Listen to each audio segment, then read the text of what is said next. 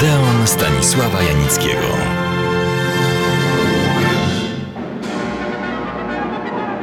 Swą opowieść o jednym z najwybitniejszych i najciekawszych również jeśli o jego życie chodzi, reżyserów Fritzu Langu, rozpocząłem przed tygodniem od jego sztandarowego, dawnego filmu Metropolis i jego pierwszych lat twórczych, które rozpoczęły się już w czasie I wojny światowej, kiedy cztery razy ranny leżał w wiedeńskich szpitalach. Zaczął wtedy pisać scenariusze do krótkich sztuk i filmów. Kilka z nich wysłał do znanych niemieckich reżyserów. Musiały się spotkać z zainteresowaniem, a chyba i uznaniem, skoro przyjęty został do berlińskiego środowiska filmowego z otwartymi ramionami poza pracą scenariuszową, zbliżał się coraz bardziej do reżyserii filmowej, bo to najbardziej zaczęło go interesować. Krótko mówiąc, na podstawie swojego scenariusza wyreżyserował swój pierwszy film Pół krwi. Był rok 1919. Zaraz po nim Pana Miłości. Melodramat z akcentami sensacyjnymi. Za początek jego prawdziwej twórczości uznawany jest kolejny film Pająki, dwuczęściowy, przygodowy melodramat, którego bohaterami są przestępcy usiłujący opanować świat. Ten motyw pojawiał się nieraz w filmach Fryca Langa. Zajęty tym filmem nie mógł zrobić gabinetu doktora Caligariego, który mu proponowano i który stał się sztandarowym dziełem niemieckiego filmowego ekspresjonizmu. Lang brał czynny udział jednak w pracach scenariuszowych. Jego zresztą zrealizowanym pomysłem jest opatrzenie surrealistycznej opowieści realistycznym prologiem i epilogiem. W 1920 roku poznał Fritz Lang tę von Harbour, z którą, pisząc scenariusze, współpracował i która wkrótce została jego żoną. Jak to małżeństwo się skończyło, opowiem później.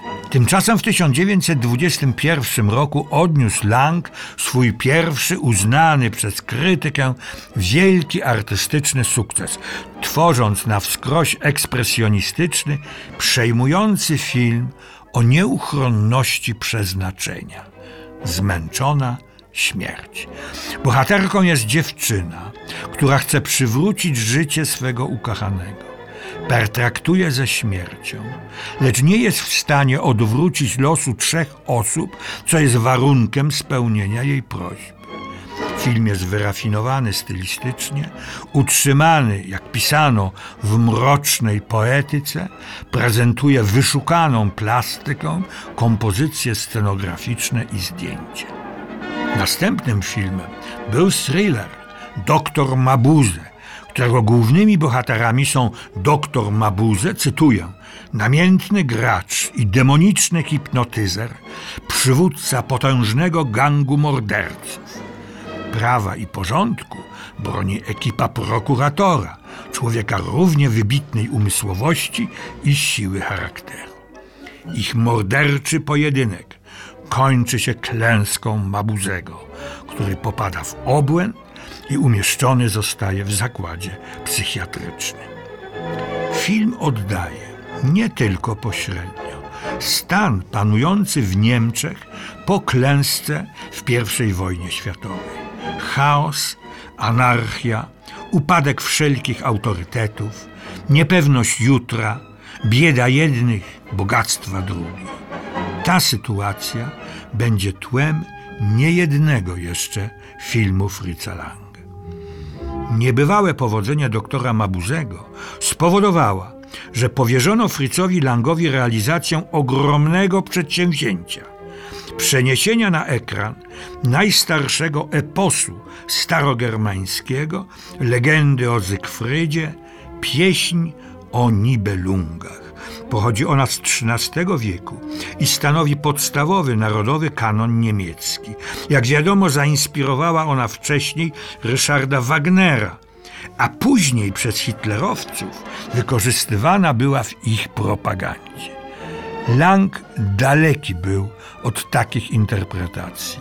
On chciał tylko podnieść swych rodaków na duchu w czasach niepewności, beznadziei i moralnego zamętu, wskazując im bogactwo kulturowego dziedzictwa i świetność przeszłości. Z rozmachem i kunsztownie zrealizowana w 1924 roku saga Nibelungi składa się, jak to często u Langa bywa, z dwóch części. Zygfryd, rozszerzony tytuł Śmierć Zygfryda i Zemsta Kremhildy. To prawdziwie monumentalne dzieło, budzące dyskusję po dziś dzień, ale dzieło wielkie. Następnym filmem, też w jakimś sensie monumentalnym, był Metropolis, o którym mówiłem przed tygodniem. Dodam tylko, że pomysł realizacji tego filmu powstał podczas kilkutygodniowego pobytu Fritza Langa w Nowym Jorku.